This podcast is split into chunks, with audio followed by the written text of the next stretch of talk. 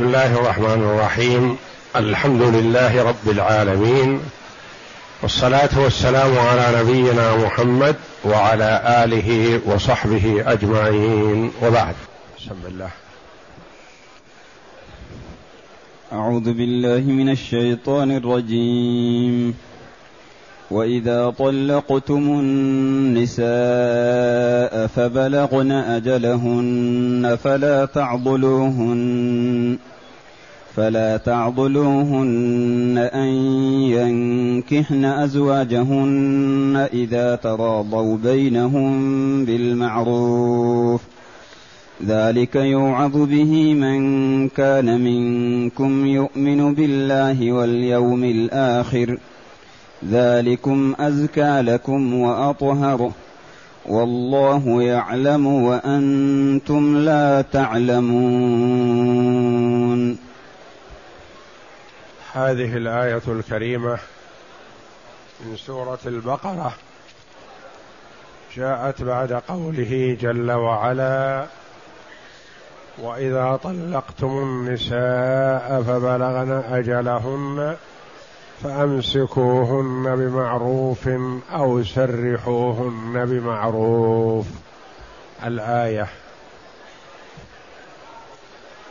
يقول جل وعلا في هذه الآية الكريمة وإذا طلقتم النساء فبلغن أجلهن فلا تعضلوهن أن ينكحن أزواجهن إذا تراضوا بينهم بالمعروف.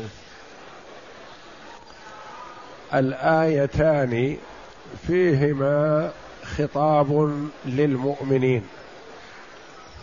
الآية الأولى واذا طلقتم النساء فبلغن اجلهن فامسكوهن بمعروف أو سرحوهن بمعروف. والآية هذه التي معنا واذا طلقتم النساء فبلغن اجلهن فلا تعضلوهن أن ينكحن أزواجهن. فبلغن أجلهن يختلف في الآية الأولى عن الآية التي بعدها. الآية الأولى فإذا بلغن أجلهن اي قاربن بلوغ الأجل.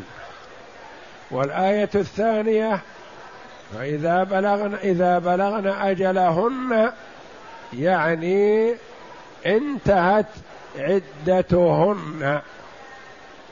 وبلغنا الأجل وخرجنا من العدة. فالآية الأولى للأزواج إذا بلغن أجلهن فأمسكوهن بمعروف. يعني قاربنا بلوغ الأجل أمسكها بالمعروف. أو اتركها حتى تنتهي عدتها فتملك نفسها فتتزوج من شاءت.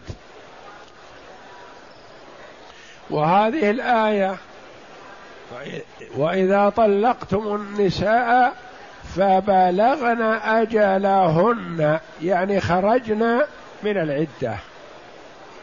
وملكت نفسها. والخطاب للمؤمنين أزواج وأولياء. فبلغن أجلهن يعني خرجت من العدة. وتمت عدتها. ثم ندم الزوج على الطلاق وقد فاتت عليه الزوجة. لكنه رغب فيها وأرسل لها ووعدها بحسن المعاملة والمعاشرة. فلانت معه واشتاقت إليه كما اشتاق لها. فإياكم أيها الأولياء أن تحولوا بين المطلق ومطلقته. بين الرجل ومطلقته وربما يكون له أولاد صغار وربما يكون كثير وربما لا يرغب فيها الأزواج بعد هذا الرجل لسبب من الأسباب. فإياكم أن تمنعوها من ان تعود إلى زوجها. وفي هذا اولا دلالة على أن الزوجة لا تملك بنفسها الرجوع إلى زوجها بعد تمام العدة ولا يملك الزوج إرجاعها بعد تمام العدة وإنما الامر للأولياء. فالمرأة وإن تولت البيع والشراء والعطاء والهبة والوقف والتأجير وجميع التصرفات الخاصة بنفسها من عقود وغيرها لا يملك أبوها ولا وليها من ذلك شيء إلا بتوكيل منها إلا نفسها. لا تملك العقد لنفسها ولا توكل من يعقد لها لأن هذا الأمر يحتاج إلى تثبت وإلى احتياط والزوجة والمرأة تلين لأتفه الوعود والأسباب فلم يجعل الله لها من أمرها شيء سوى المشورة. تشاور وتستأذن وتستأمر لكن هي لا تملك ذلك. وما المراد بالمانع والعاضل. هذا المنع العضل هو المنع فلا تعضلوهن يعني لا تمنعوهن. فالمراد الأولياء وهذا هو الظاهر وهو الذي درج عليه عدد من المفسرين رحمهم الله. وقيل إن هذا يعود إلى الزوج نفسه. الزوج السابق. لأن من الأزواج من تأخذه الأنفة والعلو فلا يرضى أن يرى مطلقته تحت رجل آخر. يكون لا رغبة له فيها ولا يرغب في أن تتزوج بغيره. فيمنعها ويتوعد إن تزوجت إن يفعل ويفعل. فنهي عن هذا. إن كان لك بها رغبة فأنت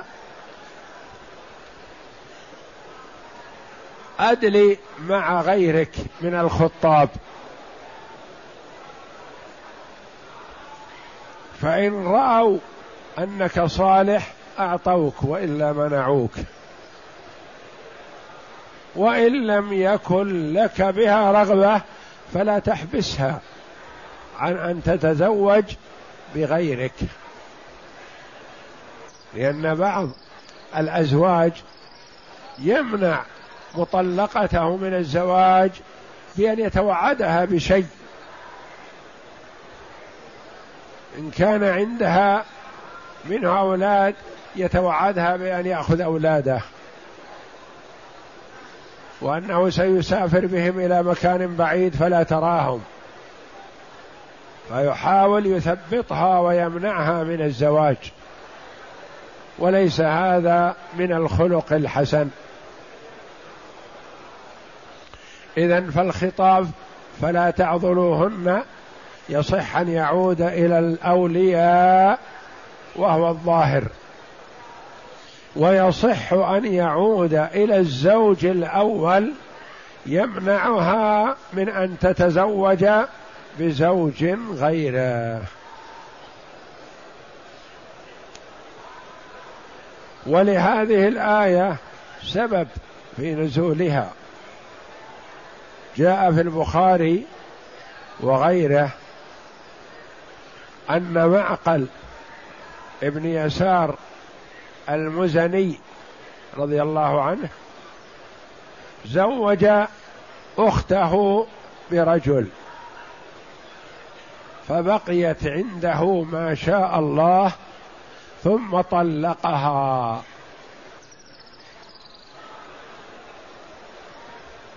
فلما انتهت عدتها تأسف. ورغب فيها. ورغبت هي فيه.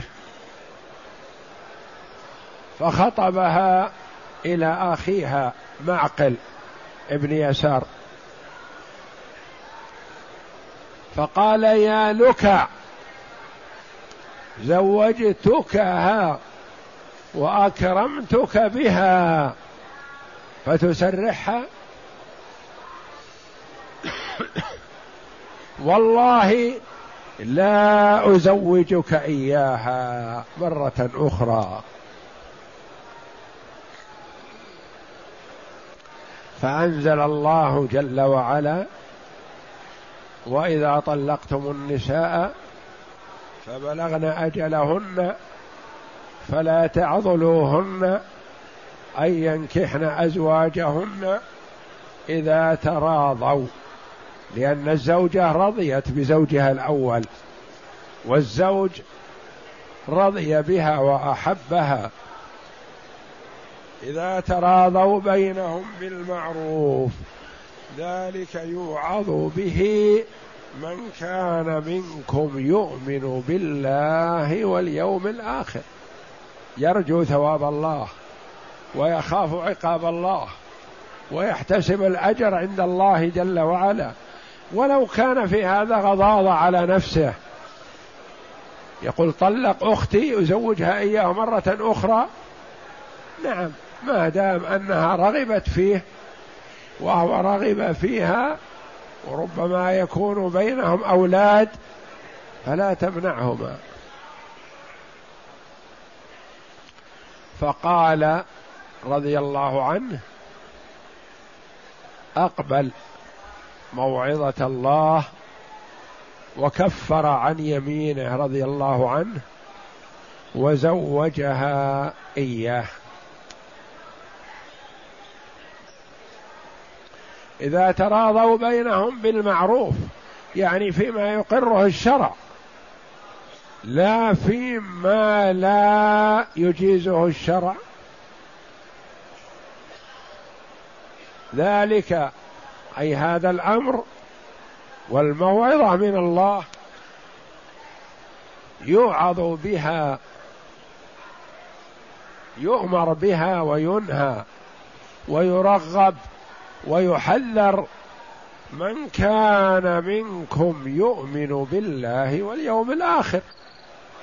لأن الذي يؤمن بالله واليوم الآخر هو الذي يرجو ثواب الله. ويخاف عقاب الله ويعلم أنه صائر إلى الله لا محالة. يؤمن بالجنة والنار يؤمن بعذاب القبر ونعيمه يؤمن بما يحصل في عرصات القيامة.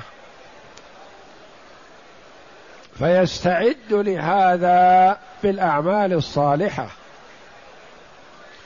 من كان يؤمن منكم بالله واليوم الآخر من كان منكم يؤمن بالله واليوم الآخر والمراد باليوم الآخر يوم القيامة لأن أيام الدنيا يعقبها أيام. وأما يوم يوم القيامة فلا بعده أيام. استمر الحال على ما كانت عليه. أهل الجنة في الجنة وأهل النار في النار. ذلكم أي هذا الذي أمركم الله.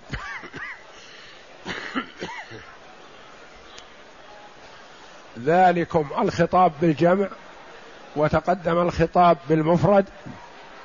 ذلك يوعظ به وهنا قال ذلكم الجمع أزكى لكم وأطهر. هذه الاستجابة أزكى لك أيها الولي وأزكى للزوج السابق وأزكى للزوجة الاستجابة لأمر الله أزكى لكم. وأطهر والأبعد عن الوقوع في الإثم لأنك لا تدري أيها الولي تذهب ليلا مع أهلك ومع زوجتك وتبقى المسكينة تتحسر تريد زوجها السابق. ويبقى الزوج السابق يتحسر ويتمنى زوجته السابقة. وربما وسوس لهما الشيطان في اللقاء على الإثم والفجور. ما تدري أنت ومخالفة أمر الله جل وعلا توقع الإنسان في الإثم. ذلكم أزكى لكم وأطهر. والزكاوة النقاوة والبعد عن الإثم. وسميت الزكاة زكاة لأنها تزكي صاحبها. وأطهر لكم عن الوقوع في الإثم والمحرم. والله يعلم ما في نفس الزوجة من الميل إلى زوجها وما في نفس الزوج السابق من الميل إلى زوجته. وأنت أيها الولي لا تعلم ولا تدري. ربما تمنع أختك تظن أنها أنك بار بها. تمنع بنتك من العودة إلى زوجها السابق تظن أنك بار بها وأنت قد عذبتها وقد آذيتها وربما تتمنى الخلاص منك ومن ولايتك وأنت لا تشعر. تتمنى لو مت حتى تنتقل الولاية منك إلى من هو ألطف وأرفق وأرحم بها. فاحذر ذلك لأنك لا تدري ما في القلوب. والله يعلم ذلك. والله يعلم. لا تخفى عليه خافية. وأنتم أيها الأولياء والأزواج السابقين الذين يمنعون زوجاتهم من أن يتزوجن لا تعلمون ما عندكم علم.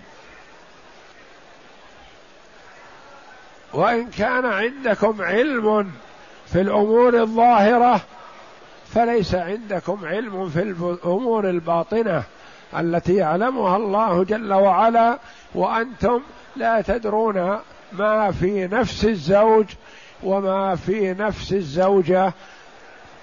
فاتقوا الله في أنفسكم إن كنتم تؤمنون بالله واليوم الآخر. هذه موعظة عظيمة. وكثير من الأز... من الأولياء يكون عنده أنفة.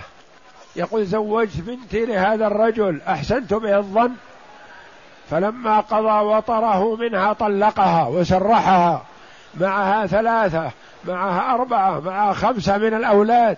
والله لا أزوجها إياه مرة أخرى. الحمد لله الذي خلصني منه ونحو ذلك. بينما هي المسكينة على أحر من الجمر تتمنى العودة إلى زوجها. والأولاد يتمنون لقاء أبيهم وأمهم في بيت واحد. والزوج يندم على ما فرط منه من الطلاق ربما يكون نتيجة غضب أو مشاجرة بينه وبين زوجته أو مشاجرة بينه وبين أحد أقاربه فيطلق زوجته.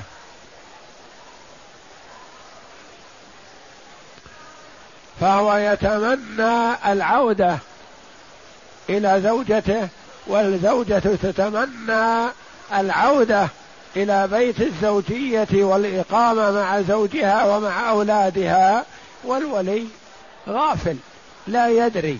بس يقول لا أزوج لأن هذا طلق فأنا أعاقبه بأن لا أعيدها إليه مرة أخرى. لا يا أخي ما شرع الله جل وعلا العودة إلا وهو أعلم جل وعلا وأحكم.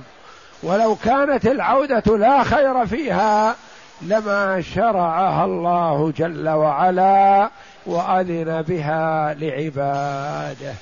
ففي هذه الآية موعظة عظيمة للأولياء وللأزواج الذين يمنعون زوجاتهم من أن يتزوجن بعد طلاقهم إياهن وتمام عدتهن.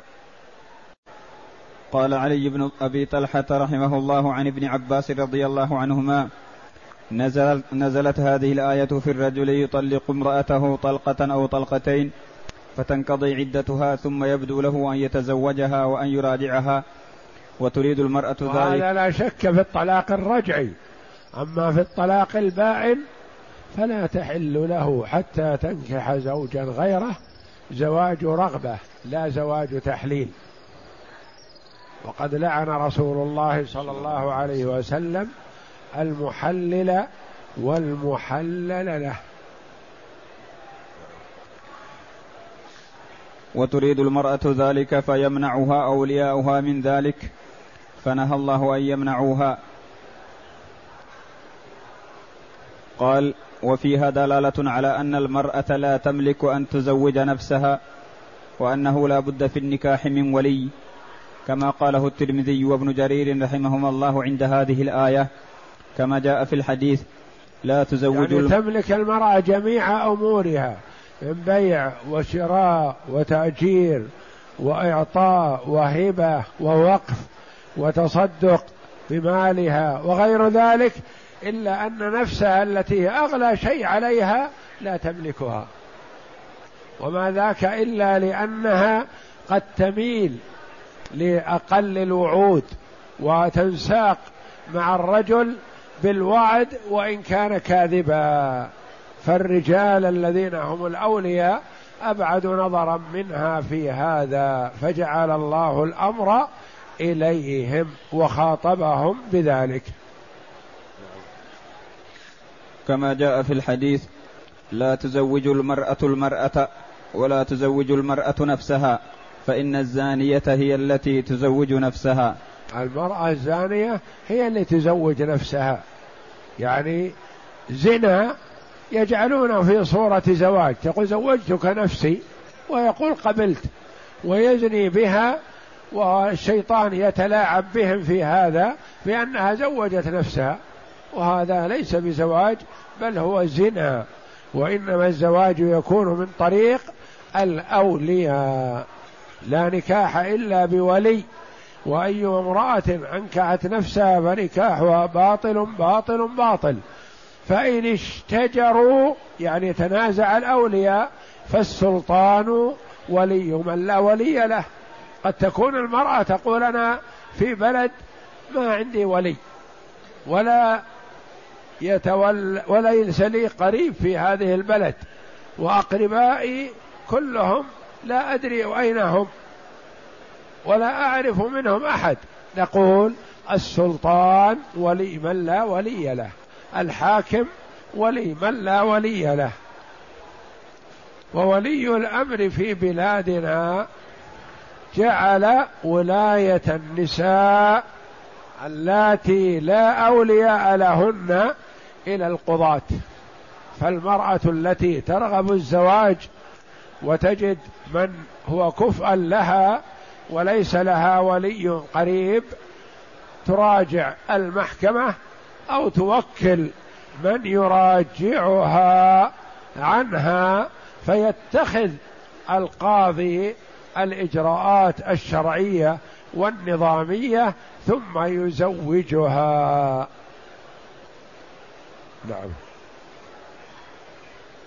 وفي الأثر وفي الأثر الآخر لا نكاح إلا بولي مرشد وشاهدي عدل. وهكذا رواه روى أبو دا رواه أبو داود والترمذي وابن ماجه وجماعة وصححه الترمذي أيضا ولفظه عن معكل بن يسار رضي الله عنه أنه زوج أخته رجلا من المسلمين على عهد رسول الله صلى الله عليه وسلم. فكانت عنده ما كانت ثم طلقها تطليقة لم يراجعها حتى انقضت عدتها. يعني ف... ما راجع حتى انتهت العدة وإلا لو راجعها قبل انتهاء العدة فلا يملك الولي منعها. ولكن لحكمة يريدها الله جل وعلا جعله لم يراجع ولم يشتق إليها إلا بعدما تمت العدة حتى يظهر هذا التشريع العظيم. للأمة. فالله جل وعلا يوجد الأسباب ليظهر التشريع. نعم. فهويها وهويته ثم خطبها. هويها يعني رغب فيها لكن بعدما تمت العدة وهي مالت إليه كذلك. هي تهواه وهو يهواها ومعقل بن يسار رضي الله عنه حلف ألا يعيدها إليه. نعم. ثم خطبها مع الخطاب فقال له يا لكع ابن لكع. أكرم. يا لكع ابن لكع. يعني يسبه يقول زوجتك وأكرمتك بأختي فإذا بك تطلقها والآن تريد تزوجها مرة أخرى والله لا أزوجك إياها. نعم. أكرمتك بها وزوجتكها فطلقتها والله لا ترجع إليك أبدا آخر ما عليك. قال فعلم الله حاجته إليها وحاجتها إلى بعلها فأنزل الله وإذا طلقتم النساء فبلغن أجلهن إلى قوله وأنتم لا تعلمون. والعضل هو المنع. لا فلا تعذروهن يعني لا تمنعوهن. نعم. فلما سمعها معقل رضي الله عنه سمعا لربي وطاعة سمعا لربي وطاعة. لما أمره الله استجاب. الصحابة رضي الله عنهم خيار الأمة. ما يتوقفون إذا جاء أمر الله أو أمر رسوله صلى الله عليه وسلم لا يتوقفون ولا يترددون. وهم يطبقون قوله جل وعلا وما كان لمؤمن ولا مؤمنة إذا قضى الله ورسوله أمرا أن يكون لهم الخيرة من أمرهم. إذا قضى الله أمرا فهو المقدم. نعم. ثم دعاه فقال أزوجك وأكرمك. زاد ابن مردويه وكفرت عن يميني. كفر عن يمينه رضي الله عنه. نعم. وهكذا ينبغي للمؤمن إذا حلف على يمين فرأى غيرها خيرا منها فليأتي الذي هو خير وليتحلل يمينه. سنة رسول الله صلى الله عليه وسلم.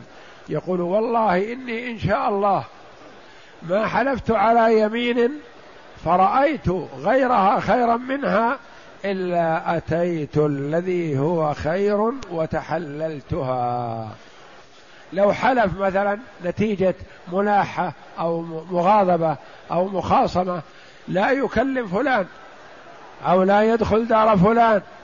أو لا يأكل من طعام فلان أو حلفت الأم لا تكلم ابنها أو لا تدخل داره أو لا ترى زوجته أو نحو ذلك. فالسنة والأفضل أن يكفر المرء رجلا أو أنثى عن يمينه ويأتي الذي هو خير. وكفارة اليمين هي إطعام عشرة مساكين أو كسوتهم أو تحرير رقبة. هو بالخيار بين هذه الأمور الثلاثة. فمن لم يجد ما يستطيع واحد منها فليصم ثلاثة أيام. والأفضل أن تكون متتابعة خروجا من الخلاف. تكون متتابعة. ولا يتأتى ولا يصح الكفارة بالصيام إلا لمن لم يجد واحدا من الثلاثة. والله جل وعلا خير العباد بين ثلاثة أمور متفاوتة. إطعام عشرة مساكين قد تكون مثلا بعشرة ريالات أو كسوتهم بعشرة أو أقل أو أكثر أو عتق رقبة بمائة ألف مثلا. فهو مخير بين هذا وهذا وليس فيه ترتيب. وإنما الترتيب بين هذه الثلاثة وبين الصيام. فلا ينتقل للصيام إلا إذا لم يستطع واحدا من الثلاثة. نعم. وقوله تعالى ذلك يوعظ به من كان منكم يؤمن بالله واليوم الآخر. هو الذي يسارع إلى الامتثال. المؤمن بالله واليوم الآخر يستفيد من الوعظ. وكما قال الله جل وعلا وذكر فإن الذكرى تنفع المؤمنين.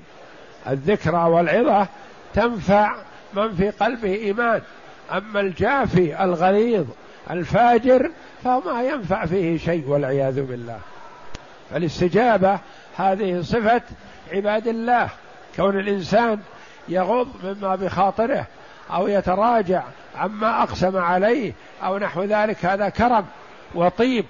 يظن بعض الناس أن في هذا غضاضة يقول ما أتراجع عن يميني ما أتراجع عن كذا. لا يا أخي تراجع لأمر الله جل وعلا خير لك. أي هذا الذي نهيناكم عنه من منع الولايا أن يتزوجن أزواجهن إذا تراضوا بينهم بالمعروف يأتمر به ويتعظ به وينفعل له. من كان منكم أيها الناس يؤمن بالله واليوم الآخر أي يؤمن بشرع الله ويخاف وعيد الله وعذابه في الدار الآخرة وما كان فيها من الجزاء ذلكم أزكى لكم وأطهر. أي اتباعكم شرع الله في رد الموليات موليات إلى أزواجهن وترك الحمية في ذلك أزكى لكم وأطهر لقلوبكم. والله يعلم أي من المصالح فيما يأمر به وينهى عنه وأنتم لا تعلمون. أي الخيرة لا يعلم ولا يدري عن شيء. ربما يكون مسرور مبسوط مستأنس مع زوجه والمسكينة والمسكين يتحسران. أو ربما يتواعدان على الإثم أو نحو ذلك. فينبغي للولي أن يبادر إلى التزويج خاصة إذا تراضى الإثنان. يعني ما ليس له أن يجبر موليته على الرجوع إلى زوجها الأول وإنما إذا رضيت به فلا يمنع. نعم. والله أعلم. وصلى الله وسلم وبارك على عبد ورسول نبينا محمد وعلى آله وصحبه أجمعين.